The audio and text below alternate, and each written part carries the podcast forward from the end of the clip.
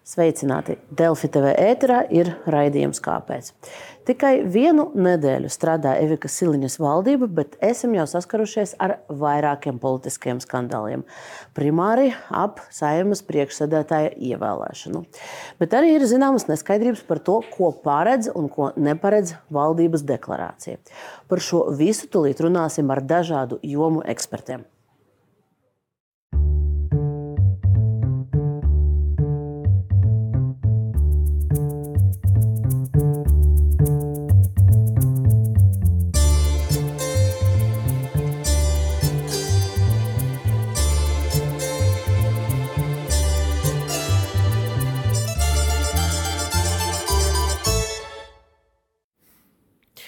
Ar vairākiem šīs dienas viesiem mēs tikāmies precīzi pirms gada, kad analizējām partiju priekšvēlēšanu programmas, un tāpēc nolēmām aicināt vēlreiz, lai izvērtētu, kā jau otrā šī saimnes sasaukuma valdība tiek galā ar saviem pienākumiem. Un tad stādīšu priekšā šodienas viesus. Studijai ir Lelda Metla Rozantāla, Rīgas Stradiņa Universitātes docētāja. Labdien! Latvijas transatlantiskās organizācijas ģenerālsekretāra Sigita Struberga. Labdien! Latvijas Jauno ārstu asociācijas valdes locekle Anna Klešmita Blūma. Finansists un investors Girds Rungains. Labdien! Andris Bērziņš no biedrības Latvijas Samariešu apvienība, direktors. Labdien! Un izglītības tehnoloģiju uzņēmumu Endurio valdes Latvijas komandas vadītāja Lauma Tuča. Sveiki! Labdien!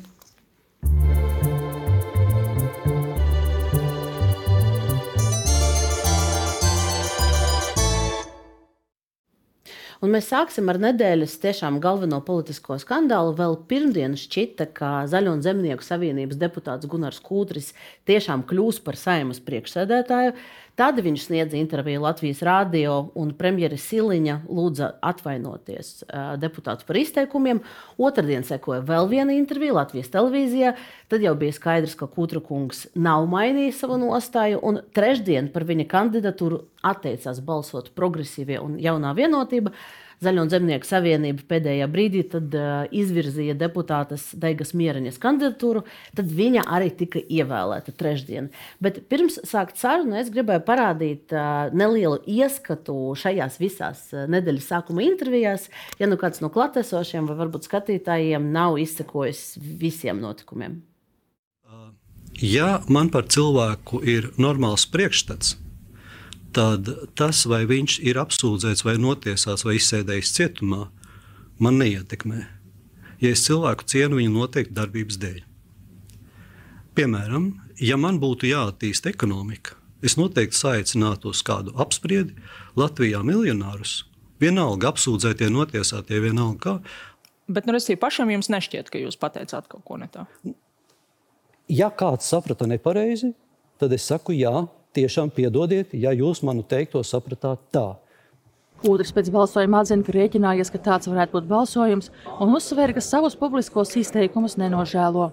Es drīzāk teiktu, ka es nožēloju to, ka es atvainojos. Ja godīgi. Kāpēc? Es varu atkal pateikt kaut ko ne to, ko vajag, bet eh, tāpēc, ka man ir savs viedoklis, un man par savu viedokli ir tiesības pastāvēt. Lai novērstu politisko šūpošanu, es biju gatavs atvainoties. Bet manas vērtības ir manas vērtības.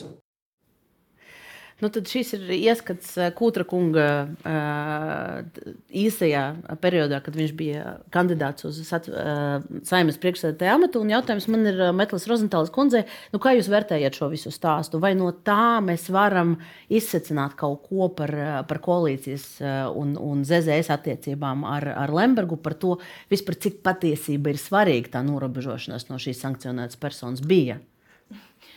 Nu, es domāju, ka tā norobežošanās vienmēr ir bijis tāds um, zināmā mērā mistisks, ja mītisks temats, jo nav jau īsti skaidrs, ko, nu, kā fiziski tas notiek. Mēs, protams, varam uzrakstīt kādu teikumu dokumentā vai, vai nu, pateikt, ka mēs visu laiku kaut kam sekosim līdzi, bet patiesībā jau nav skaidrs taustām kritēriji, kā to izdarīt. Un, uh, līdz ar to šie kūtra kunga izteikumi zināmā mērā nu, parāda to situācijas. Uh, nu, varētu teikt, pat absurdumu, ka, ja tu pasaki skaļi, tad, nu, tad, tad lūk, tas ir slikti, nu, bet domāt jau tev neviens nevar aizliegt. Un tieši tāpēc jau arī zināmā mērā ir uh, jocīgi likt viņam atvainoties par savām domām. Atvainoties tu vari par kaut ko nepieklājīgi pateikt, par to, ja tu esi nu, kaut ko, nezinu, kādu fiziski aizskārs, bet ja tu tiešām tā domā, tad kādā sakrā tev ir jāatvainojas par savām domām. Un ja mēs tagad skatāmies tālāk to nu, retoriku, tad, tad mēs jau redzam, ka arī Mieriņas kundze, protams, var teikt, ka viņa tā domāja pirms vēlēšanām un tagad mm, tā nedomā, vai drīzāk skaļi to nesaka. Bet, principā, es jau domāju, ka tas nekādā mērā šie mm, izteikumi neatšķiras. Jo Kas, kas bija tas eh, visā, kas radīja to šūmēšanos? Jo bija tas, ka tur cauri nolasās Lemberga kunga aspekts. Tātad ne jau tā abstrakt par apsūdzētiem, vai abstrakt par notiesātiem, vai nu, par kaut kādiem abstraktiem miljonāriem, bet tā, nu, šis patiesībā cilvēks, kas ir ZZS nu, būtiska identitātes sastāvdaļa, kas, kas ir viņu premjera amata kandidāts bijis vairāk kārtīgi. Un, uh, līdz ar to es domāju, ka nevienu brīdi mēs neesam dzirdējuši no ZZS, ka viņi skaļi pateiktu, paši skaļi pateiktu teiktu, ka no šodienas viss mēs norobežojamies no Lemberga kunga. Nu, nē, es tajā redzu, ka viņi ir pieņēmuši tos spēles noteikumus, ka labi, mēs tagad tā kā skaļi par šo tēmu nerunājam, nu, lai tāds vispārējais miers būtu. Bet uh, patiesībā es domāju, ka tā ir, nu, tā ir faktiskā situācija. Un uh, ka tieši, tā, nu, tieši tādas domas ir lielākajai daļai ZZS, jo tieši tāpēc viņi ir Zaļā un Zemnieku savienība, nevis, piemēram, apvienotais saraksts. Viņi neaizgāja uz apvienoto sarakstu,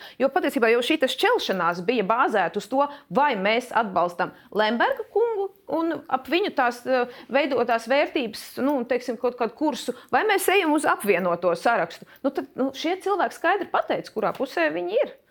Bet te ir jautājums, vai mēs varam ticēt, jo tā galvenā, galvenais aspekts, veidojot šo valdību, bija šo, solījums no visām pusēm, ka, ok, labi, Lembergs tur, tur Ventspēlī ir un, un viss notiek, un, un no viņa nenorobežojas. Bet valdības lietās mēs viņu neiesaistām. Un Zaļo un Zemnieku savienība arī sola, ka valdības lietās mēs viņu neiesaistām. Jautājums, vai no šī un Mieriņas kundzes tas, tos izteikumus es vēl nospēlēšu nelielu fragment pēc laika, bet vai, vai mēs varam izdarīt secinājumu?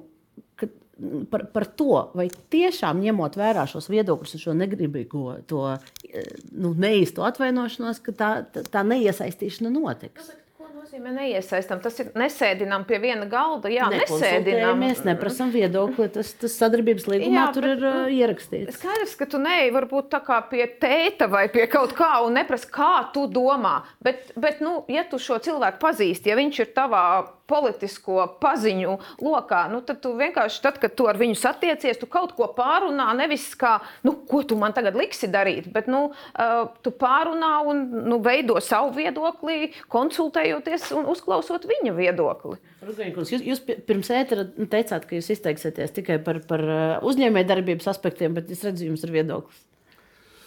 Politika ir kompromisa māksla. Un, tātad Lemberga kungs un elektorāts kas stāv aiz ZZS un uzskata, ka Lembergs ir labs saimnieks. Un, principā, visu to, ko Kūtris un Mieriņa uh, pasaka skaļi, šis elektorāts pa lielam uh, domā. Viena liela daļa katrā ziņā no viņa. Viņš nav kaut kāds administratīvais vienkārši vai, vai kā savādāk. Ja? Un uh, Lembergs un ZZS tieši tā, kā teica, tie, kas gribēja iet tālāk par Lembergu, tie aizgāja uz AS. Ja?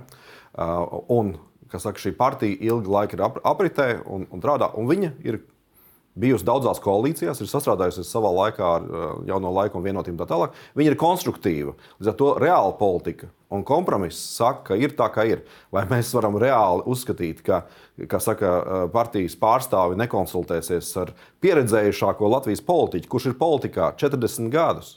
Ja? Kāda ir varbūtība? Atbilde ir nulle. Tas, tas, ka viņš ir, vēl nav notiesāts, teiksim, un ir, ir, ir teiksim, sarakstos un tā tālāk, ir skaidrs, ka. ASV sankcijas. Un te, un te man šobrīd ir atšķirībā no, piemēram, no Šlesera kunga, kas ir nu, destruktīvs elements šajā sistēmā, kurš grib sistēmu graut. Respektīvi, nu, kā saka, teiksim, tā tālāk. Šeit notiek normāls politisks process. Neviena partija nevar realizēt savas vēlmes. Viņai ir vajadzīgi partneri. Nu, tad, tad, tad varbūt Strunke kundzei būs, būs komentārs par to, vai tas tiešām ir konstruktīvi. Jo mums ir jāskatās uz to, ka, ja mēs redzam saimnes priekšsēdētāja amatu, tad tur ir Nacionālās drošības padome, kas atkal, kur, kuras, kuras, uz, kur uz galda ir visi NATO, NATO iespējamie noslēpumi. Tur ir starptautiskās pārstāvniecības funkcijas šim amatam. Jā, bet arī ministru kabinetā mm -hmm. ir šis pats. Jā, un uh, ministru kabinetā tieši tāpat slēgtās sēdēs šie lēmumi tiek uh, lemti. Vai tas ir normāls politiskais process? Uh, nē, vispirms es atbildēšu tā par to zvanu kā tētim. Es domāju, ka šajā gadījumā visticamāk ZZS valde tieši tā arī zvanīs kā tētim, un to nevar atmērīt vai no, pārbaudīt vai atregulēt. Un te man ir žēl jaunās vienotības, kam būs jāmēģina ar to visu strādāt. Vai tas ir normāli? Nē, tāpat kā manuprāt, arī tas, ka daļai sabiedrības joprojām ir uzskats par Lembergu kā normālu saimnieku, neskatoties uz tiesas lēmumu, neskatoties uz sankcijām, ir liels jautājums par to, kā mums ir jāstrādā tālāk ar sabiedrības izglītību un kas mums ir jādara ar politisko kultūru un tā tālāk. Jo nu, to ir grūti iedomāties citās uh, Eiropas valstīs, ka šāda veida cilvēks tiktu uzskatīts par, uh, par nu, tādu labu, vērtīgu politiķi, kas var nest nozīmīgu pienesumu tautas uh, vai tautsēmniecības attīstībā. Bet pilnīgi viennozīmīgi tas, protams, ka arī partneros rada jautājums. Ja? Mēs varbūt īsi noklausīsimies to, ko, ko eh, Mieriņas kundze pirms gada arī teica eh, Rūsēlesem raidījumā. Viņa tur runāja krieviski, mēs esam nodrošinājuši titrus tulkojumu, un tur ir viņas izteikumi tieši par, gan par to, eh, kāpēc Lembergs uz to brīdi un joprojām ir ZZS premjerāmata kandidāts, gan arī attieksme par ASV uzliktām sankcijām viņam. Если будет новое правительство, новые министры, они могут тоже поехать в Америку, попросить э, то же самое правительство снять санкции. Видите, люди хотят, чтобы о них заботились. И то, что делает Айверс Лэмберс Венспилс, это чистая забота. Улицы приведены в порядок, дома э, построены. Все сделано для того, чтобы люди себя хорошо чувствовали и нормально могли жить. И то люди хотят э, в государстве, чтобы был кто-то, кто-то, чтобы они чувствовали, что о них кто-то заботится. И хозяин. поэтому хозяин. Tā, jā, eh, un tur bija vēl viens fragments par, par, par, eh, par sankcijām, kur Mierīnas kundze izteicās, ka valdībai ir, eh, ir jādodas uz, uz ASV un, un, un jālūdz noņemt šīs, šīs sankcijas. Un es gribēju turpināt ar jums, jo, jo te, tas ir drošības risks. Šādi izteikumi no, no valsts otras amatpersonas. To var tā kvalificēt. Pirmkārt, es domāju, ka viņi nebrauks un nelūks. Līdz ar to es neteiktu, ka tas ir tāds. Uh, Tik ļoti liels drošības risks. Es, es nespēju iedomāties, ka Mierīņas kundze tagad dosies uz ASV un vei, darīs šādu lūgumu. Ja? Bet viņa tiksies ar vēstniekiem, viņa nu, pieņems delegācijas. Jā, bet es šaubos, vai šāda lūguma izskanēs šobrīd. Bet tas nenozīmē, ka viņa neturpina domāt, jo, jo paskatoties savukārt tās pašas intervijas, kas ir tikko, ja nemaldos, šorīt uh, skatījos uh, rīta, rīta raidījumā, ja, uh, viņa neteica, ka viņa domā savādāk. Nē, viņa domā tieši tā, viņa vienkārši ir pieņēmusi lēmumu par to nerunāt jo viņa šobrīd ir tādā pozīcijā. Un tam gan es ticu tajā ziņā, ka mm, nu, teiksim, viņa jau netiekās viena, un, un līdz ar to nu, nos, nospēlēs, protams, zināmas bremzes. Jo, man liekas, ka vispār nu, tādā brīdī, kad tika pieņemts lēmums ZZS ņemt valdībā vai kopā ar ZZS veidot valdību, nu, tas ir tas izšķirošais brīdis. Jo uh, Nu, tur tas Lembergs, kādam patīk, kādam nepatīk, viņš nāk komplektā, viņš tur ir iekšā pēc tam teikt, ka mēs tā kā nu, jūs paņēmām, bet tagad mēs tur kaut kādus vilksim žodziņus, visu kaut kur riņķīm, un tad viņš neko neietekmēs. Nu, patiesībā jāsaka, tā ir tāda drusciņa muļķošanās. Nu, tā, tas, tā tas nenotiek. Tanī brīdī, kad paņemam, tad arī ņemam nu, visu, kas tur nāk līdzi, visu to saimniecību. Kad, kad precam to sievu, nu, tad, tad tur arī viņai ir tā māte un tēvs arī līdzi neko darīt. Viens, viens aspekts, ko es uh, gribēju vēl noskaidrot, vai tas varētu ietekmēt, cik uh, nu, no šo, šajā drošības aspektā, cik uh, varbūt labprātīgi sabiedroti ar mums, ar kā valstī, dalīsies informācijā, kaut kādos datos. Un, un, un... Es domāju, ka nē. Tas nebūs jautājums. Nē, šis, ne, šis tiešām nebūs jautājums. Uh, ši, šis sabiedroto jautājums vispār man liekas, uh, es nedaudz atļaušos pārlikt, ja, uh, bet uh, sabiedroto jautājums ir tas, ar ko partijas panalizējot iepriekšējās jā, valdību deklarācijas, par ko mēs noteikti pēc tam tālāk runāsim. Sabiedroto jautājums ir bijis tas, ar ko ir mīlējuši spēlēties. Nu, piemēram, iepriekšējā Kariņa deklarācijā. Ja, ka ko tikai mēs tur nedarīsim, mēs veicināsim reģionālos drošības plānu izveidi NATO un tā tālāk. Nu, on, ne, jau, ne jau ministre sēdēja viena pati un zīmēja reģionālās drošības plāns, ja? un tas bija, tas bija nu, jau diezgan sen izlemts. Un šajā gadījumā arī ir noteikta darbības loģika, ir aiz, aizsardzības ministrijas pārstāvniecība, ir atbilstošo personu pārstāvniecība un ir ļoti stingri stingra sabiedroto interese drošības stiprināšanā tieši šajā reģionā. Līdz ar to es domāju, ka vienas personas personiskais faktors fundamentāli nevar ietekmēt šādus jautājumus. Mhm. Okay, mēs, no šī mēs arī varam pāriet pie valdības deklarācijas. Šoreiz diezgan īsa, 5 lapas, 40 eh, punkti. Tad eh, mēģināsim saprast, kas tajā ir ietverts, kas nav ietverts un, un mēs varam, ko mēs varam sagaidīt no šīs valdības.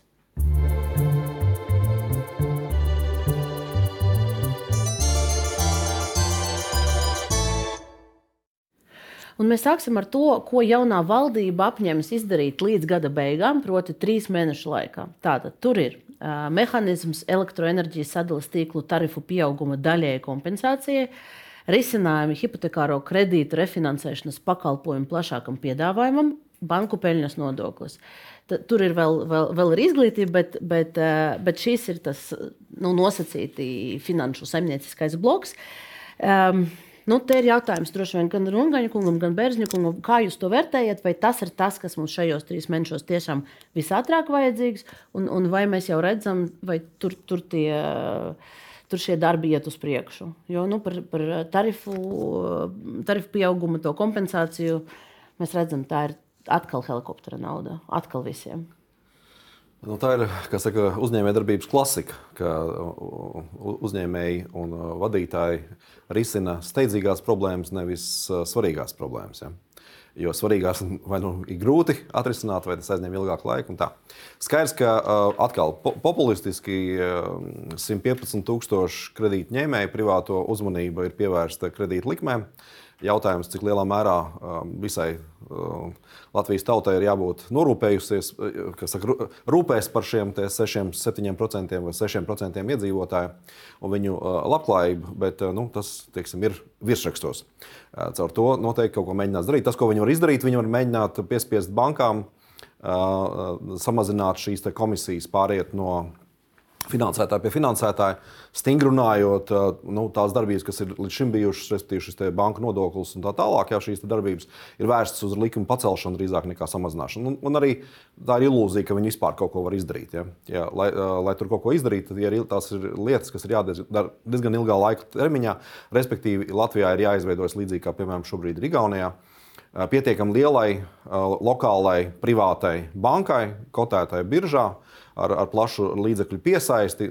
Tādā veidā tas ir vienīgais veids, kā paaugstināt konkurenci. Neviena ārzemju banka šeit neieradīsies, to nedarīs. Kompensācija sadalījuma tīkliem. Nu, tas jau faktiski ir pieņemts. Vai, vai, vai tu tam? Jā, jā. Nu, um, tas ir pieņemts līdz novembrim, un tad, tad tālāk vēl skatīsies. Ļoti, ļoti sarežģīta problēma. Pirmajā brīdī skaidrs, ka uh, viņi strādāja ar zaudējumiem. Tas bija jāizkompensē, elektrība bija palikusi dārgāka, tas tika izkompensēts, elektrības cenas pret dārgām elektrības cenām. Tad izrādījās, ka viņas ir samazinājušās, vēl kaut kas, vēl kaut kas. Šobrīd tas ir kārtējais populistiskais plāksters, kurš noņem problēmu no virsrakstiem šobrīd. Ja? Uh, un es, nu, kā saka, ciniski uz to arī tā skatos. Nu, es varu pievienoties par steidzamām un, un, un svarīgām lietām, jā, jo šī brīdī droši vien tās ir tās lietas, ko tiešām var izdarīt šī brīdī. Jā, cim redzot, tās ir tās iesāktās vai, vai sagatavotās, vai kurām ir iespējams kaut kā tūlītē risinājumi. Jā, bet, bet nu, ja mēs runājam par, par, eh, mēs vienmēr esam runājuši par to, vai mums ir nepieciešama helikoptera nauda, vai mums būtu nepieciešams mērķēts pabalsts, tad es gribētu teikt tā, nu, eh, mērķēts pabalsts vienmēr ir, ir, ir trāpīgāks, jā, bet, nu, protams, viņam ir zināma resursa nepieciešama, lai viņu piešķirtu. Jā, un, ja mēs, ja mēs tagad atgrieztos pie situācijas, kad sociālā sociālajie dienesti tiek iesaistīti tagad izvērtēšanā un individualizētā pieeja un tā tālāk, izmantojot tās vecās tās, nu, um, akmens metodas, akmens laikmeta metodas, ja, tā kā viss ar roku darbiem bez datu sistēmām, nu, tad īstenībā kādreiz tas process var sanākt dārgāks nekā tas rezultāts. Ja, tā kā te šobrīd ir jāizvērtē, kāds, kāds, kāds ir tas efekts. Ja, kā, kā, kaut kādos gadījumos helikopters arī nostrādā. Un, un, protams, būtu jā, jā, jāstrādā pie tādiem sistēmiskiem risinājumiem, lai mēs spētu šos individualizētos risinājumus arī, arī īstenot, jo nu, tas jau būtu pareizi. Nu jā, nu, mēs, mēs pie labklājības un, un tā, kas īstenībā tagad būtu jādara, vai deklarācijā turpmāk arī ir kaut kādas lietas, kas, kas, nu, kur, kur mēs redzam, ka tiešām tā iedzīvotāja labklājība tur, tur ir ietverta iekšā. Tur mēs nonāksim, bet vēl viens darbs, kas, kas, ir, kas ir ielikts veselība, tur, tur, tur nav. Es uz jūsu pusi skatos, veselība, veselība, vesel, veselības sistēma nav šajos trīs mēnešu darbos, bet ir gan izglītība. Un, uh, tur uh, jauna valdība jau šogad, trijos mēnešos, soli, un te es precīzi citēšu, izstrādāt ilgspējīgu izglītības finansēšanas modeli. Nu, es nezinu, tad uz to laikam tā ironiski var raudzīties, jo 30 gados mēs to neesam izdarījuši, bet trijos mēnešos tad nu gan. Uh, jūs tur izlasat kaut ko, kas, kas jums nu, šķiet cerīgi? Tieši par šiem trim mēnešiem, vai jā, jā, kopumā jā, nu, no deklarācijas? Tas, tas ir pateikts sadarbības, sadarbības jā. līgumā koalīcijas nu, partijām, ka trīs mēnešos plāno, plāno jā, nu, cik, izstrādāt ilgspējīgu izglītības finansēšanu. Jā, nu, cik man zināms, ministrija jau pie tā strādā. Protams, viņi ilgstoši strādājas. Nu, mūsu sadarbības partneri pašvaldības, ar kuriem mēs strādājam, arī ļoti atšķirīgi pieiet. Ir tādi, kas ļoti mērķiecīgi paši analizē, ir tādi, kas varbūt citādāk tam pieiet. Arī zināms, ka ir pašvaldības, kas varbūt tiešām gaida to skatu tikai no augšas. Nu, kā pateiks, tā darīsim. Tas arī nav fakts. Bet nu, es domāju, ka kā, noņemot nost emocijas. Un tas arī, ko mēs redzam, nu, tiešām Latvijā tā, nu, ir milzīga dažādība. Sākot no pusotra, nu, kā, teiksim, pusotra tūkstoša bērnu skolām, beidzot ap 50 bērnu skolām. Nu, tas, nu, mēs neesam tik bagāti, lai mēs varētu atļauties uzturēt visas tās skolas. Attiecīgi, tas arī tas tīkls kaut kādā mērā ir jākārto. Jautājums, vai mēs varam to izdarīt trīs mēnešos arī tagad? Ja? Nu, tas, tas, es, es nezinu, nezinu, kāda ir tā darba grupa un cik pie tā intensīvi strādā. Bet, um, bet nu, jā, tas, tas ir no, no, nozīmīgs solis, lai arī risinātu daudzas citas jautājumas, kas ir izglītībā, jo nauda ir ļoti daudz īstenībā, ko mēs dodam izglītības sektoram. Jautājums, kā viņi tiek dalīti, nu, kādiem, nu, uh, cik, cik daudz mēs liekam betonos un cik daudz liekam iekšā reāli cilvēku resursos, uh, ko mēs varam pēc tam tālāk izmantot izglītībā. Bet uh, solījumu uh, ieviest jau šobrīd ministrija izstrādātu izglītību, uh, šo, šo skolu tīkla optimizācijas plānu, Tādu solījumu mēs jau no jaunas valdības neesam sagaidījuši. Mēs redzam, tā frāze izstrādāt ilgspējīgu izglītības finansēšanas modeli, nu, tur, tur var ietvert visu kaut ko. Un vai, vai jums ir bāžas, ka nu, tur būs kaut kas cits? Nu, tas, kas pašlaik notiek un kas ir ļoti nu, ilgstoši atstājis īstenībā ļoti sliktas sekas, ir, ka pašlaik nauda seko līdz tam vienam skolēnam. Jo tas, kas praktiski pašlaik notiek Latvijā, un tie ir reāli stāsti no skolu direktoriem, ka viņi nu, burtiski brauc uz blakus novadiem, blakus skolām un mēģina sakasīt to vienu, divu, trīs skolēnus, lai viņiem pietiktu, teiksim, pieņemsim tā vidusskola, pamatskola vai kā tam līdzīgi. Un tas nav normāli. Man, nu, tā, tā, tāpēc, teiksim, teiksim, tā pārēja, ka tā, būtu citas finansējuma modelis, vai nu balstoties uz programmām, ieviestajām, vai kā, tas būtu pareizāk. Ja? Es saku vēlreiz, vai tie ir trīs mēneši. Nezinu, neesmu bijusi klāta darba grupā, neesmu runājusies, bet nu, eh, katrā ziņā nu, tas ir beidzot jāsakārto. Tas ir fakts. Nu. Man jautājums poli politikas analizētājām, vai mēs, vai mēs varam sagaidīt šo sakārtošanu, nu, ņemot vērā to, ka atkal jāatgriežas pie Zaļo Zemnieku savienības valdībā un Tas ir politiskais spēks, kas ir eh, vēsturiski pretojies jebkādam optimizācijām pašvaldībās, slimnīcu, skolu, vienalga kādām.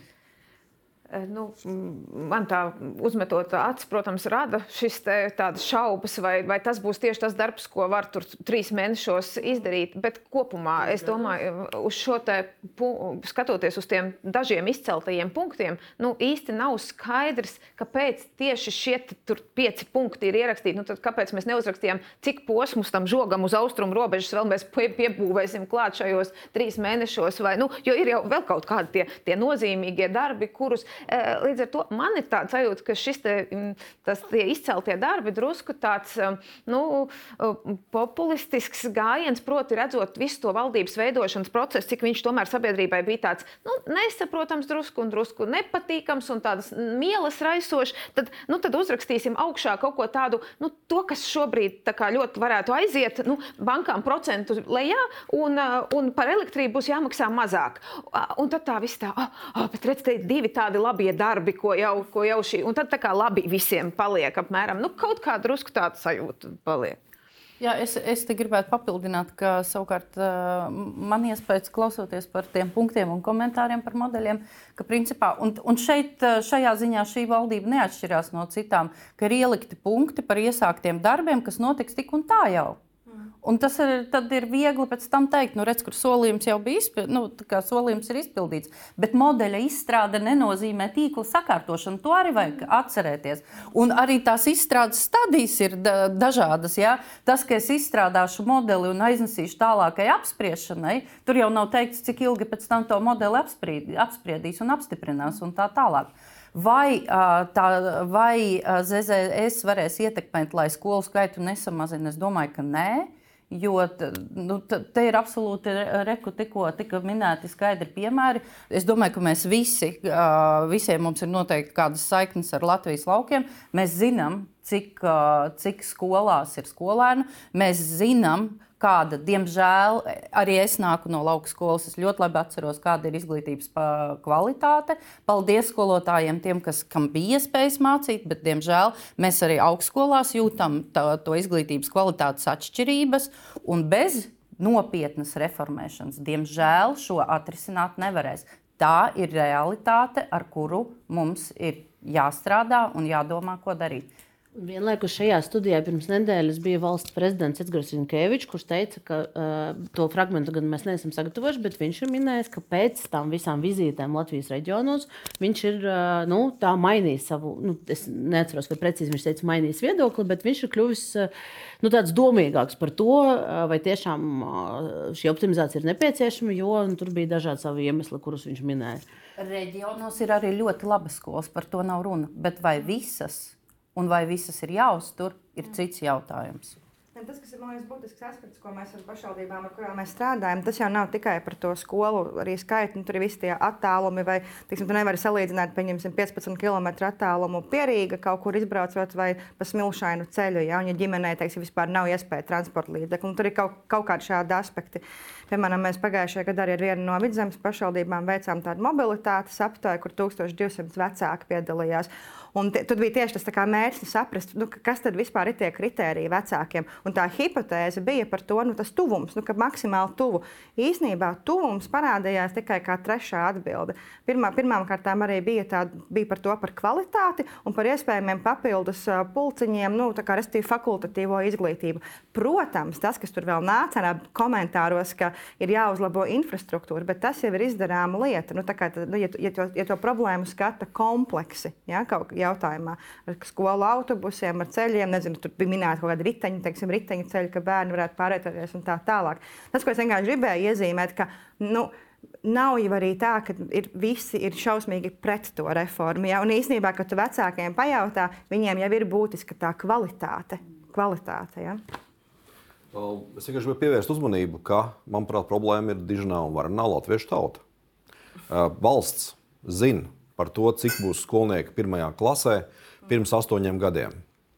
Pirms astoņiem gadiem, kad tas bērns aiziet, tad, kad sieviete uh, stājās uzskaitē, principā, uh, saka, arī valsts sistēmā. Ja? Um, un, attiecīgi, cik bērni būs vidusskolā vai tajā attiecīgajā līmeņa mācību iestādēs pirms 16 gadiem. Tas, kāda ir situācija, ka mums šī dzimstība ir tur, kur viņi ir, un viņi turpina virzīties, tas ir sen visiem zināms. Vienkārši, kā saka, mums viena, viena daļa cilvēku saka, mēs, ja par to maksā veiksmīgie un konkurētspējīgie, galvenokārt dzīvojošie pilsētos, kur ienākumi ir lielāki, un tā tālāk, mēs gribam, lai mums ir ērti šeit, jo kopumā mēs dzīvojam nabadzīgi, bet ļoti svaigā gaisā, ar skaistu ainavu un, un tā tālāk. Tā ir mūsu nacionāla kopēja, tas ir tā, tā ir problēma starp mums saka, dažādiem cilvēkiem, kas veido šo latviešu tautu. Vienkārši. Tas ir tas, ko mēs esam izvēlējušies. Vēlmi domāšana un nerisināt problēmas proaktīvi, ietaupīt naudu un panākt labāku risinājumu, bet risināt viņas reaktīvi. Tad, kad sistēma sabrūk, tad mēs tur pulcējamies un dejojam apkārt kādu brīdi un sakām, ai, ai, ai, ai, ai, ai, kas tagad ir noticis, kā mēs tagad dzīvosim, un ko mēs, mēs vēl varam atbalstīt to, teiksim, to skoliņu, uzturēt ar 50 bērniem vēl kādu laiku, kamēr tur neviens bērns vairs nav. Nu, ah, nu, bet nu, tagad mums kaut kas laikam jādara. Ir, ja? Tā kā... Rūpniekums, es domāju, ka ir daudz cilvēku, kas varētu ar jums pastrīdēties par to, vai nabadzība ir izvēle, bet es gribētu pārvirzīt šo jautājumu atpakaļ uz izglītību un pajautāt, uh, ja mēs noslēdzam šo posmu. Un šo aspektu, vai, vai skolu tīkla reforma ir galvenais, ko jūs sagaidat no valdības turpmāko trīs gadu laikā, ja mēs prezumējam, ka trīs gadi ir tas, tas, tas, tas noturēsies šī visa konstrukcija? Nu, es teiktu, ka tas noteikti ir viens no, viens no punktiem, kas ir jārisina, jo tas paģēra pats par sevi iespēju citādāk pārdalīt to finansējumu, kas ir izglītībā. Un tas, ko ne tikai mūsu pētījumi dati rāda, bet arī sadarbības partneri, nu, mums ir ļoti daudz izaicinājumu. Tas pašs skolotāja algas, skolotāja slodzes, labbūtības jautājumi. Divus gadus pēc kārtas mēs redzam dramatiskus rezultātus labbūtības jautājumos, tā, arī tā skaitā skolotāju datos. Pēdējā gada aptaujas rezultātos pusi skolotāju ir apsvēruši mainīt profesiju. Piemēram, ja? Un tā tad uh, mēs runājam par jaunu pedagoģu piesaisti, bet mums trūks līdzekļu esošo pedagoģu nu, nu, at, pieklājīgai atalgošanai. Tā kad ja, ja es teiktu, jā, ka nu, teiksim, šis vismaz viens, kā būtu kā viens no aspektiem, kas mums iedotu līdzekļus risināt citus jautājumus. Vēl ko es noteikti varu minēt, ka, protams, ļoti būtisks turpmākajos trijos gados ir vienotās skolas jautājums, kas ir ļoti ne, ne visur Latvijā, tas tā ir tie, tiesa, bet tur, kur tas ir būtiski, mēs redzam, ka tas ir vēl viena, vēl viena pārmaiņa, kam ir jāiet cauri izglītības iestādē. Neaizmirsīsim, ka skolas pēdējo dažu gadu laikā ir bijis Covid, respektīvi attālinātās mācības, kur ļoti īsi, ļoti straujā laikā bija jāapgūst ļoti daudz tehnoloģijas. Es gan to skatu kā pozitīvu blakni šajā gadījumā, bet tas arī bija milzīgs izaicinājums paralēli ieviešot jauno saturu, paralēli, kamēr vēl materiāli tiek sagatavoti un tā tālāk. Tā kā jā, es, es, es, es teiktu, ka šie trīs gadi, šis aspekts noteikti būs ļoti, ļoti nozīmīgs. Nu, gaidīsim tiešām šos gaidīsim. rezultātus, un, un, un nos, noslodza vēlme mainīt profesiju, vēlme pamest valsts. Tas ir viss, kas, kas attiecināms arī uz veselības sfēru. Un, uh, Tur mēs, tur mēs redzam arī ļoti apaļas frāzes deklarācijā pacientiem orient, uz pacientiem orientēta veselības aprūpe, sistēma, ilgspējīga visas Latvijas iedzīvotājus aptveroša veselības finansēšanas modelis. Vai, vai mēs to varam atšifrēt, vai, vai uh, mediķi vai jaunie ārsti, ārsti redz Nu, kas, kas, kas tagad notiks? Vai kā jūs interpretējat visu šo informāciju kopumā, kopā ar politiķu izteikumiem? Vēl? Jā. Veselības ministrija, man liekas, jau izsens nav tā populārākā ministrija. Tā drīzāk negatīvu reitingu rada dažādām šīm politiskajām partijām. Tas, ko mēs šobrīd redzam, ļoti patīkami, ir jaunā vienotība. Beidzot, arī pati ir uzņēmusies šo atbildību. Un, ja pirms tam iepriekšējā valdībā bija gana daudz runas, gatavojiet reformas, sekos nauda. Uh, Bieži vien šīs reformas, kad nonāca līdz izskatīšanai, nebija gana pietiekami labas. Vajadzēja kaut ko izņemt, kaut ko nomainīt, tā lai būtu, būtu pietiekami pieņemami. Un tad šajā gadījumā mēs noteikti redzam cerību, tā kā tas ir vienot, vienota partija, kas par to atbild, ka varētu arī kādu kopsaucēju atrast. Un reformas jau ir iesāktas lielā daļā no lietām. Um, galvenais, man liekas, ir uh, šī pēstasība, ka cilvēki arī, uh, un mūsu jaunais ministrs, uh, abu Merija kungs, to arī uh, turpinās. Bet, uh, nu jā, bet, bet ir profesionāls organizācijas, kas atkal ir izteikušas bažas par to, ka Finanšu ministrija un Veselības ministrija ir zem viena jumta, jo tad atkal no mazāk tā pretestība un, un mazāk, uh, mazāk kaut kāda konkurence. Kā jūs uz to skatāties? Protams, tādos uh, sensitīvos jautājumos, vienalga vai tā ir veselība vai tā ir izglītības reforma, uh, tomēr ir vieglāk, ja mm, šīs gan nozara, gan finanses atrodas zem vienas partijas, nu tā mēs varam teikt. Jo tad, ja šie te, poli ir sadalīti, tad ir tas, ka uh, viens piedāvā ideju, kā reformēt, otrs saka, nav naudas, nereformēsim vai nedomā citu ideju. Un tā tas pingpongs tāds nebeidzams. Te tomēr ir tas, ka nu, es jau iepriekš parunāju ar to savu kolēģi no savas partijas, nu, tad mums tam sanāk vai nesanāk, un tad, nu, tad strādājam un dzīvojam tā, nu, kaut kādā tādā efektīvākā procesā, man liekas, šādā veidā. Mēs te varam noklausīties. Trešdien jauns veselības ministrs Hosams Avumērī bija raidījumā šodienas jautājums, un tur, tur viņš īsi ieskicēja, kas ir tas, kas nākamajā gadā un turpmā, turpmākajā laikā plānots, plānots veselības jomā tieši no finansējuma aspekta. Mums ir mēs pieprasīsim 390 miljonu eiro apmēram, nu, prioritāte, jā, lai būtu ļoti labi, lai mēs varam gan uh, atalgojumu uh, ārstiem, gan arī rindas samazināšanu, gan arī onkoloģija, gan arī kardioloģija, gan arī uh, mentālas slimības un tā tālāk. Un bērniem un zobu ārstiem un tā tālāk. Bērni, zobārsti, onkoloģija vis, vis, vis, visam pieprasīs un vispār 390 miljoniem. Jautājums, jūs redzat tur realistisko plānu, jo nu, tas, ko mēs dzirdējām šogad, ir, ka pamatlietām nepietiek, nevis, nevis vēl kaut kādiem. Šobrīd ekstrām. pamatlietām nepietiek. Vēl ar kolēģi no rīta, kad sazvanījos Cēlā slimnīcā, atnāk pacients, bērns, vienalga 2, 5, 15 gadi ar akūtu saslimšanu. Nepieciešams asins analīzes. Dodas uz laboratoriju. Centrālā laboratorija šobrīd par valsts finansējumu analīzes tikai pieraksta kārtībā. Tā ir akūta saslimšana. Mēs nevaram gaidīt. Tas ir vajadzīgs šobrīd un tagad. Līdz ar to tas, ko runā, jā, šis finansējums ir vajadzīgs tagad. Jau. Nu, bet, bet, bet jūs redzat, ka, ka, ka, ka, ka to iedos, jo nu, acīm redzami ar tiem 140 miljoniem, kurus e, piešķira, norezervēja budžetā e, pavasarī, nepietika, e, vai arī neatrada visu pilnu to summu. Tad, tad nu, vai, mēs, vai jūs, kā, kā jauno ārstu asociācija, ticat nu, tam, ko jūs dzirdējāt, ka būs šis pieprasījums un būs šī liela summa? Ja paklausās retoriku no citām uh, valdības uh, uh, veidojošajām partijām, uh, ir bijusi arī Mendelsons kundzes komentāri, ir bijuši progresīvo komentāri par uh, to, ka šis finansējums nav plānots palielināt, nedz arī ir plānots viņu saglabāt esošajā līmenī. Līdz ar to šie izteikumi liekas no vienas puses tāda neliela utopija. Vai tas notiks, tas ir liels jautājums vadošajiem. Vadošajiem ministrijām. Bet es domāju, ka šajā gadījumā tas ir ļoti būtiski partijas vienotība reputācijai. Jo veselības ministrija, mēs zinām, var būt gan ļoti gremdējoša ministrija partijai kopumā, gan nu, arī atsevišķās situācijās ceļoša. Un es domāju, te ir liels risks, ja tiešām veselības aprūpē viss tikai turpinās vēl iet uz leju un pasliktināties. Es domāju, ka no šāda aspekta vienotība, domājot par savu nākotni, varētu arī, jo patiesībā šeit ir tā politiskā izšķiršanās, jo nav jau tā, ka nauda nu, tā, ka nebūtu vispār, bet ir jautājums, kā mēs viņu sadalām, un ka varbūt mēs nu, izšķiramies, ka mēs šoreiz tomēr beidzot iedodam vairāk veselībai, tik cik viņiem vajag. Un es domāju, ka tas varētu būt nu, tas izšķiršanās jautājums, uz ko vienotība arī varbūt nu, sliektos. Te ir jautājums, ko darīs mediķi, jo, jo uh, Latvijas Veselības un sociālās aprūpes darbinieku arotbiedrība, cita organizācija, viņi oktobrī domās un lems, uh, vai uh, rīkos streiku vēl vienu. Jautājums, vai, ja gadījumā mēs redzēsim, tur jau budžeta tās sarunas virzīsies uz priekšu, un mēs visticamāk dzirdēsim, kādas būs tās summas un ko teiks finanšu ministrs. Līdz šim viņš bija ļoti konservatīvs savos, uh, savos solījumos. Nu tad, uh, ja nebūs uh, šo, miljonu, šo vismaz 300 miljonu, kurus mediķi prasa uh, šīm funkcijām, tad, tad uh, vai jaunie ārsti atbalstītu streiku? Mēs noteikti to izvērtētu. Un eh, es varu atgādināt, ka mājās šajā gadā mēs arī organizējām protestu tieši runājot par kvalitatīvu un pieejamu veselības aprūpi Latvijas iedzīvotājiem.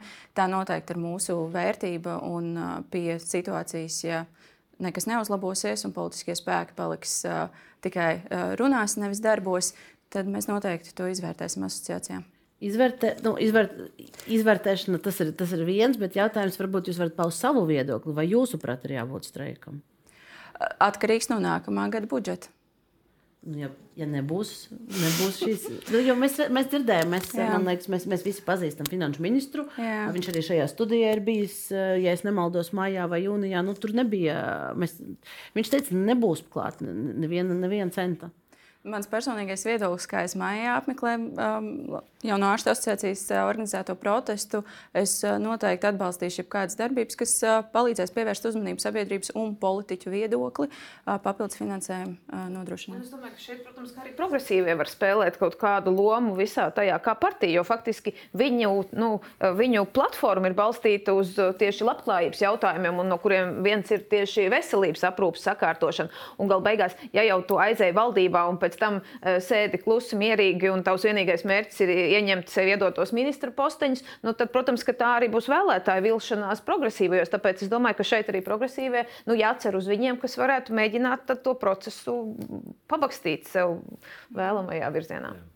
Ne, ne, man, man patīk klausīties šo, šo retoriku, jo es apzinos to, ka labklājības nozare šī brīdī varbūt vēl nav tā, kurā viss striķi trūks, kā izglītība vai veselība, jā, bet, bet tā ir eh, tuvāko gada nozare, kurā mēs visi saskarsimies ar to, ka nav ne tikai skolotāji, bet nav arī aprūpētāji, un, un ļoti daudz naudas varētu tikt ieguldīts betonā, bet nav, nav fiziski, kas tur strādā. Tā kā šīs ir tēmas, kur mēs, kur mēs, kur mēs šobrīd esam. Nu, es pabeidzot varbūt to, to, to ieskats par veselības jomu, es, es gribu teikt, tā, nu, apzināmies to, kā strādā veselības sistēma. Tā nauda pati par sevi jau neko nerisina. Jautājums ir, kā tā nauda nonāk pie tā rezultāta. Un tur pa vidu ir tas, tas veselības aprūpas pakalpojums sniedzējs. Tā ir slimnīca vai ģimenes ārsts vai vienalga, kas viņš ir. Viņi visi ir pakalpojumu sniedzēji, viņiem visiem ir tarifi, viņiem visiem maksā par pakalpojumu. Un šobrīd tā sistēma nav tendēta uz to, lai atrisinātu rezultātu ilgtermiņā. Viņi dzēš iespējams kaut kādas problēmas, jo ārsti jau nav štatu sarakstā veselības ministrijai. Viņi ir štatu sarakstā, tur, tur slimnīcai tādai vai slimnīcai tādai, un viņiem maksā par pakalpojumu. Un, ja tā pakalpojuma apmaksa ir nepietiekoša vai, vai neadekvāta, tad viņi nevar samaksāt tam doktoram. Palielinot naudu vienā, vienā, vienā, vienā pozīcijā, jau ne, neatrisināsies tā problēma. Tā finansēšanas sistēma ir kritiski nepareiza. Uh, Un, un, un kādreiz, kad man prasīja, kas pirmo darīs, Nacionālais veselības dienests vienkārši jāreformē. Ja? Tāpēc, ka viņš reāli tā sistēma ir kliba un viņa ir kliba, kamēr viņi nesaremontēs, tikmēr ar visām kvotu, kvotu pieejām visu pārējo. Nu, tas viss ir kroplība. Ja? Bet, bet, tas, ir, ne, bet tas tā ir. Nu, es nezinu, tur visi mediķi tam piekrīt un droši vien, ka arī tur tas ir loģiski. Bet, nu, kamēr nepieķersies klāt pie šīs eh, sistēmas, tikmēr arī tur tā rezultāta iespējams nebūs un plika naudas palielināšana neko nerisinās. Ja mums ir neefektīva izmantošana, tad arī būs tā reformas ir procesā, bet tas, ko es gribēju teikt, ļoti labi īstenībā pieminēja šis te, uh, piemērs. Mums ir veselības. Uh, sabiedrības veselības pamatnostādes, kur viens no prioritāriem uh, virzieniem ir onkoloģiskās saslimšanas. Pavisam nesen iznāca valsts kontrolas ziņojums par, mhm. par onkoloģiskajām uh, saslimšanām, un tā skaitā apmaksu, kādā veidā tas notiek, kādā veidā pacients nonāk līdz diagnozē. Uh, diagnozē būtu jābūt skaidrai diagnozē divu nedēļu laikā. Zaļais koridors mums Latvijā tas notiek gandrīz sešu mēnešu laikā. Uh, terapija, mums ir medikamenti, mums ir uh, finansējums, bet tas nav nepietiekams, neadekvāti tie medikamenti iekļaut šajās kompensējumu zāļu sarakstu rindās. Līdz ar to. Bet mēs redzam, jā, jā. tūlīt pie labklājības.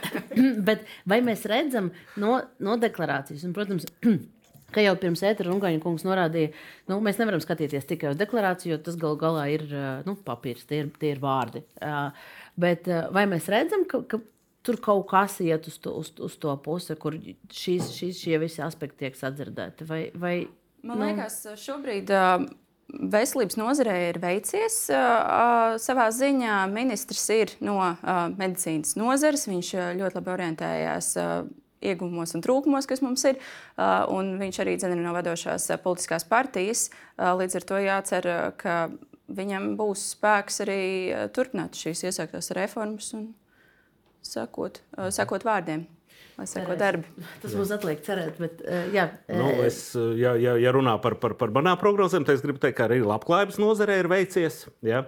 jo, jo, jo ministra prezidenta nāk ar, ar, ar labklājības nozares pieredzi, un lai arī viņa nebija ļoti gara, ja, bet, bet viņa tomēr ir. Un, un es vienkārši lasot deklarāciju, ieraugu vārdus aprūpi, ieraugu vārdus uh, mērķis sociālajai palīdzībai, sociālajiem pakalpojumiem, daudz tādas lietas, sistēmiskas lietas, par ko bieži ir runāts. Man, man šis, šis, lai arī viņš ir ļoti uh, deklaratīvs un, un, un tāds, tāds sākuma dokuments, man viņš daudz labāk patīk par, par iepriekšējiem, jo skaidrs, ka tur ir pateikts tās lietas vai pieminētas vismaz vārdā nosauktas tās lietas, kur iepriekš Uh, iepriekš bieži vien tā kā pat, pat nebija nosauktas. Ja, nebija tā kā, es teiktu, labla, un, un dokuments kopumā ņemot ir ļoti pārskatāms. Es noteikti varētu runāt ar, ar, ar, ar ministrijas ierēģiem un teikt, jā, nu, pamatojoties uz deklarāciju un, un, un, un ko mēs darām tādā virzienā. Bet mums skaidrs, ka arī labklājības nozarē mums ir, mēs esam tā nozara, kurā, kurā tās problēmas vēl nav samilzušas tādā, tādā izskatā, lai viņas varbūt radītu kaut kādu šoku. Ja, bet, bet, bet, bet, ja mēs paskatāmies uh, ārpus uh, Latvijas, Lietuvas, varbūt, varbūt šī mūsu reģiona, paskatāmies uz vecās Eiropas valstīm, tad, tad ir, ir, ir pilni, pilni, pilni, pilnas pilsētas ar, ar tukšiem, skaistiem mūriem, kas ir pansionāti, kuros nav fiziski strādā, ka cilvēki vienkārši nevar, nevar saņemt nekādu sociālo aprūpi, tāpēc, ka vienkārši nav kas to nodrošina. Īstenībā tas ir tie jautājumi, kas mums tuvākajos gados noteikti būs. Un, un finansēšanas sistēmas modeļa maina, minimālais pakalpojumu grozs, tas ir lietas, kas arī labklājības jozarē šeit vismaz ir pieminētas. Un tad jau mēs skatāmies, kā viņas materializējās. Jā. Jā, um, es, es tikai varu teikt, ka man ir labās ziņas. Un šīs labās ziņas ir tādas, ka man ir atbilde jūsu problēmām. Uh, Un šī atbilde ir tāda, ka, kā ir Stokholmas ekonomikas skolas Rīgā profesors Mortens Hansens novērtējis, ka, ja Latvija pēdējos desmit gados būtu augusi tikpat ātri kā Lietuva, tad mums budžetā būtu 3 miljardi eiro vairāk pašreizējā brīdī. Un 3 miljardi eiro ir, ir nu, saka, lielā mērā es redzu, ka šeit cilvēki būtu gatavi viņus izlietot. Un viss, kas mums no tā šķir, ir neefektīva valsts jo valsts pārvaldes eh, kvalitāte pēc OECD pētījumiem mums ir zemākā Baltijā un eh, ievērojami zemāka nekā Zviedrijā. Un mums ir hipertrofēts valsts un publiskais sektors. Restīvi 805 tūkstoši cilvēku darba spēks, 500 tūkstoši privātajā sektorā, 220 tūkstoši cilvēku no šiem 850 tūkstošiem strādā valsts pašvaldību vai saistītajos publiskajos uzņēmumos un, un tā tālāk. Un tad jāsaprot, ka tas privātais sektors principā ģenerē visu naudu un, un rada. Un šobrīd viņš ir sasiets par rokām pa kājām. Šīs 220 tūkstoši turpina augt, birokrātijas skaits turpina pieaugt, nekādas reformas tam nepalīdz aicinājums tam, ka jāmaina sistēma. Es dzirdu, kopš padomju laika tas tāds universāls saka, piedāvājums. Ja? Un, nu, mans piedāvātais risinājums un uzņēmēja piedāvātais risinājums. Ja? Jo tas, kas mums ir vajadzīgs, naudu šeit naudas nav. Naudu var nopelnīt tikai eksportā radot globāli konkurētspējīgas preces, pakalpojumus un piedzīvojumus, un pārdodot viņus uz globu cilvēkiem, kam tā nauda ir, nevis uz Krieviju. Ja? Uh, kas nav teiksim, tā sadaļa. Līdz ar to eksports, eksportam ir vajadzīga konkurētspēja. Konkurētspēja pirmkārt ir dar kvalificēts darbspēks, kurš nāk mums no izglītības sistēmas. Veseli cilvēki, kur izli, uh, veselības uh, kvalitāte un izmaksas nav, vismaz nav augstākas un sliktākas kā Lietuvā un Igaunijā. Un investīcija saka, pie, piesaista. Protams, tur ir finansēšana izmaksas jautājums. Ja? Mēs joprojām mums ir saka, Šlesera prēmija jo uh, finansēšanas izmaksas dēļ iepriekšējās augstās uh, šīs smagās uh, nekustamā īpašuma krīzes 2008. gadā mums 6% des, desmitaļas mēs maksājam vairāk un tā, un tā tālāk. Ja? Tā, tā ir tā atbilde. E eksports, kā saka, produktivitāte, investīcijas. Un tam pirmais un es teiktu galvenais Tās visas lietas ir super un viņas vajag darīt, protams. Un ir sevišķi tās, kas ir steidzamas. Ja?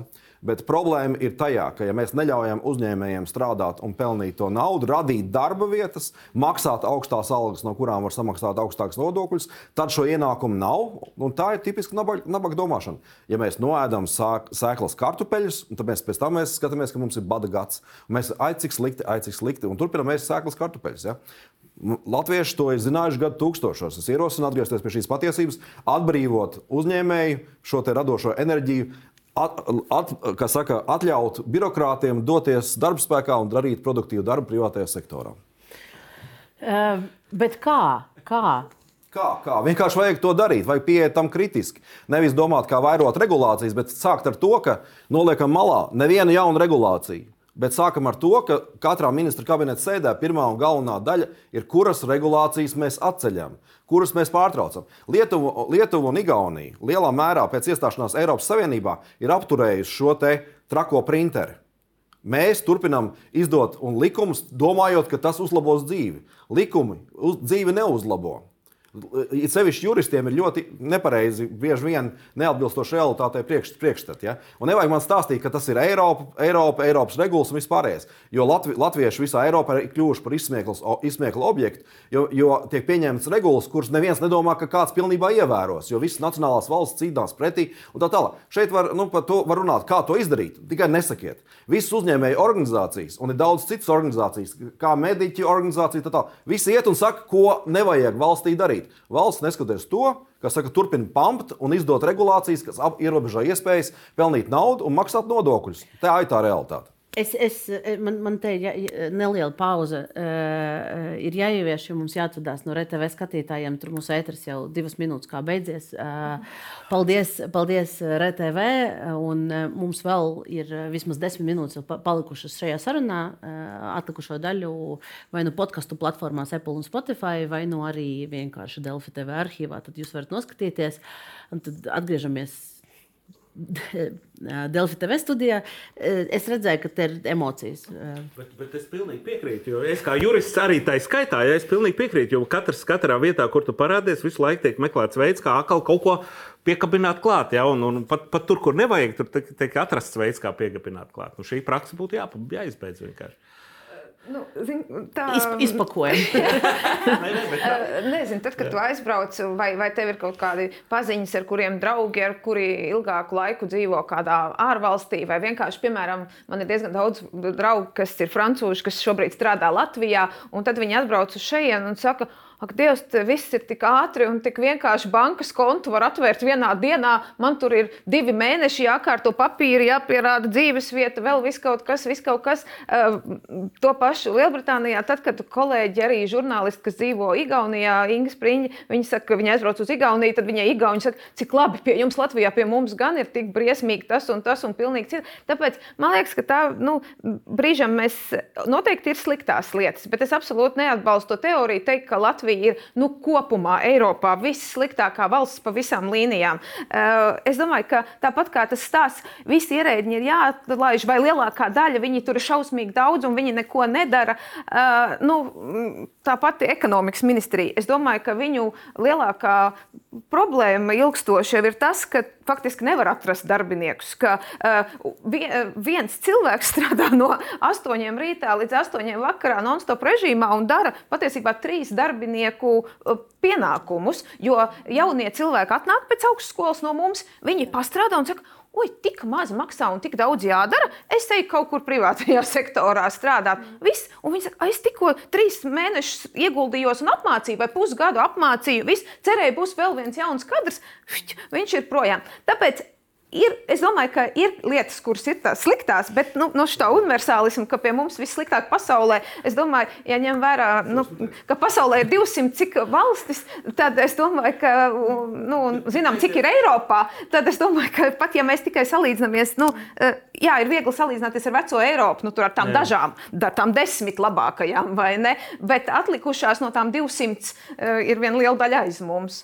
Nu, te ir noteikti jāpiekrīt, un ekonomikas ministrija nav vienīgā šāda ministrija, kurā tiek ieguldīts eh, mūsu studenti atnāk apmācās un aiziet uz privāto biznesu, jo faktiski viņi saprot, ka, ka tās algas, ko spēj piedāvāt uh, valsts pārvaldes sektors, ir tādas, ka viņi nespēs nodrošināt, nedibināt ģimeni, ne normāli nodrošināt bērnus. Un tās ir bažas, ko, ko es domāju, ka mēs mm. regulāri dzirdam no, no, no mūsu absolventiem. Ja?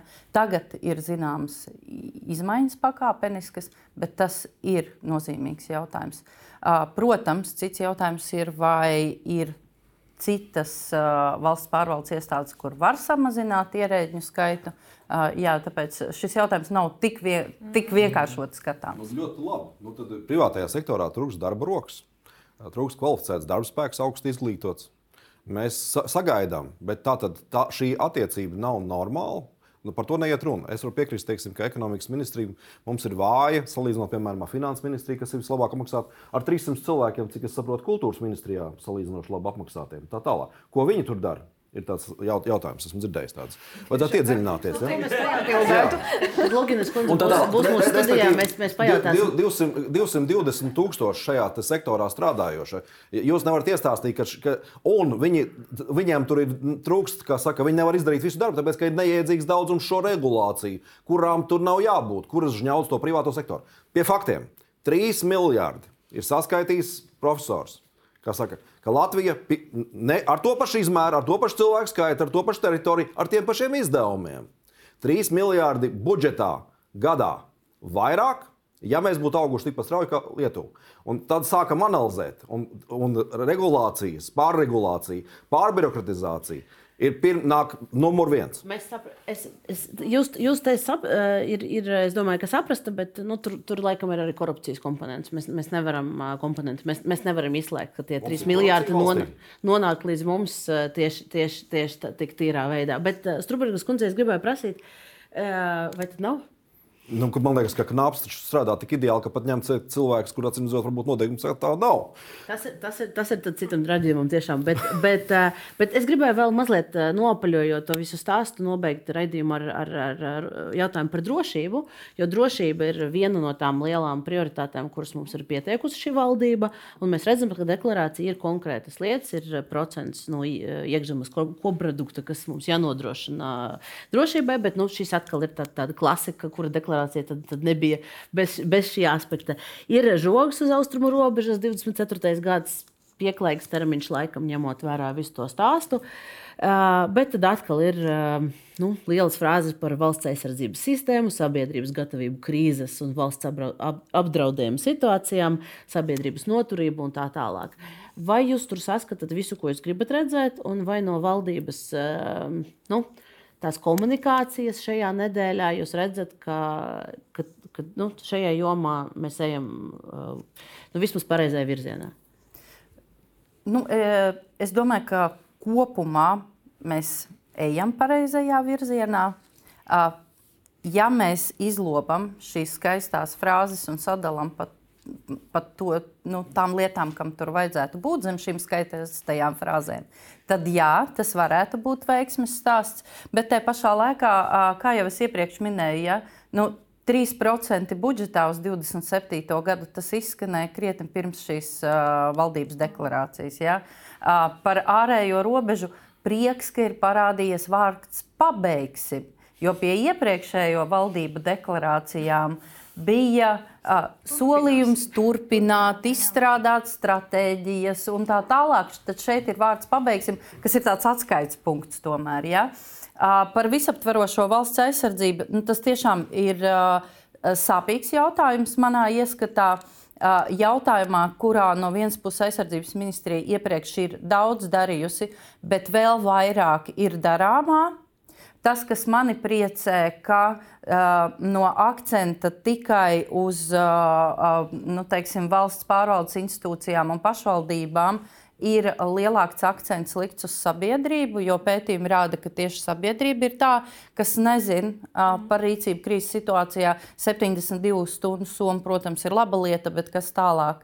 Vai arī, nu, teiksim, arī 72 stundu laikā, kur, piemēram, ņemt ūdeni un tā tālāk, par ko es jau esmu daudzkārt runājusi.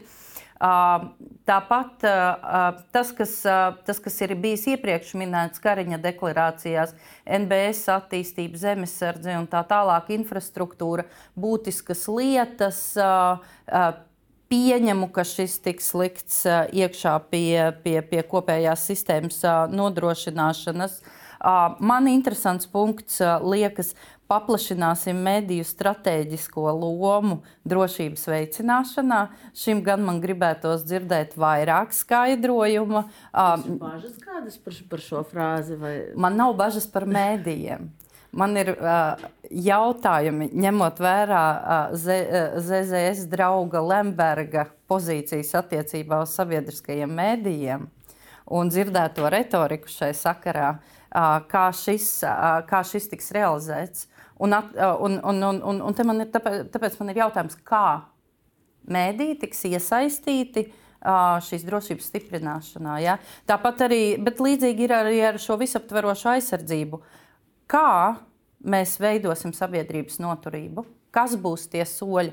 Uh, protams, ka deklarācijai nav jāatrunā visi soļi, ja, bet tas ir tas, ko man tiešām gribētos redzēt. Nu, kas, tad, uh, kas tad tur būs apakšā? Tas, ko es neredzu, ir kiberdrošības stiprināšana, Ceru, ka tas bija domāts zem otrā punkta, bet no otras puses, kā jau iepriekš teicu, tas, kas priecē, ja, ir, ka nav, nu, salīdzinot ar iepriekšējām deklarācijām, pārbagātināts ar frāzēm par sadarbību ar NATO, par, par NATO klātbūtnes paplašināšanu un visu pārējo, nu, kas ir pašsaprotami, un ne jau valdība tagad trīs mēnešos ja, brauks uz Kanādu un vedēs kanādiešu karavīrus uz šejienu.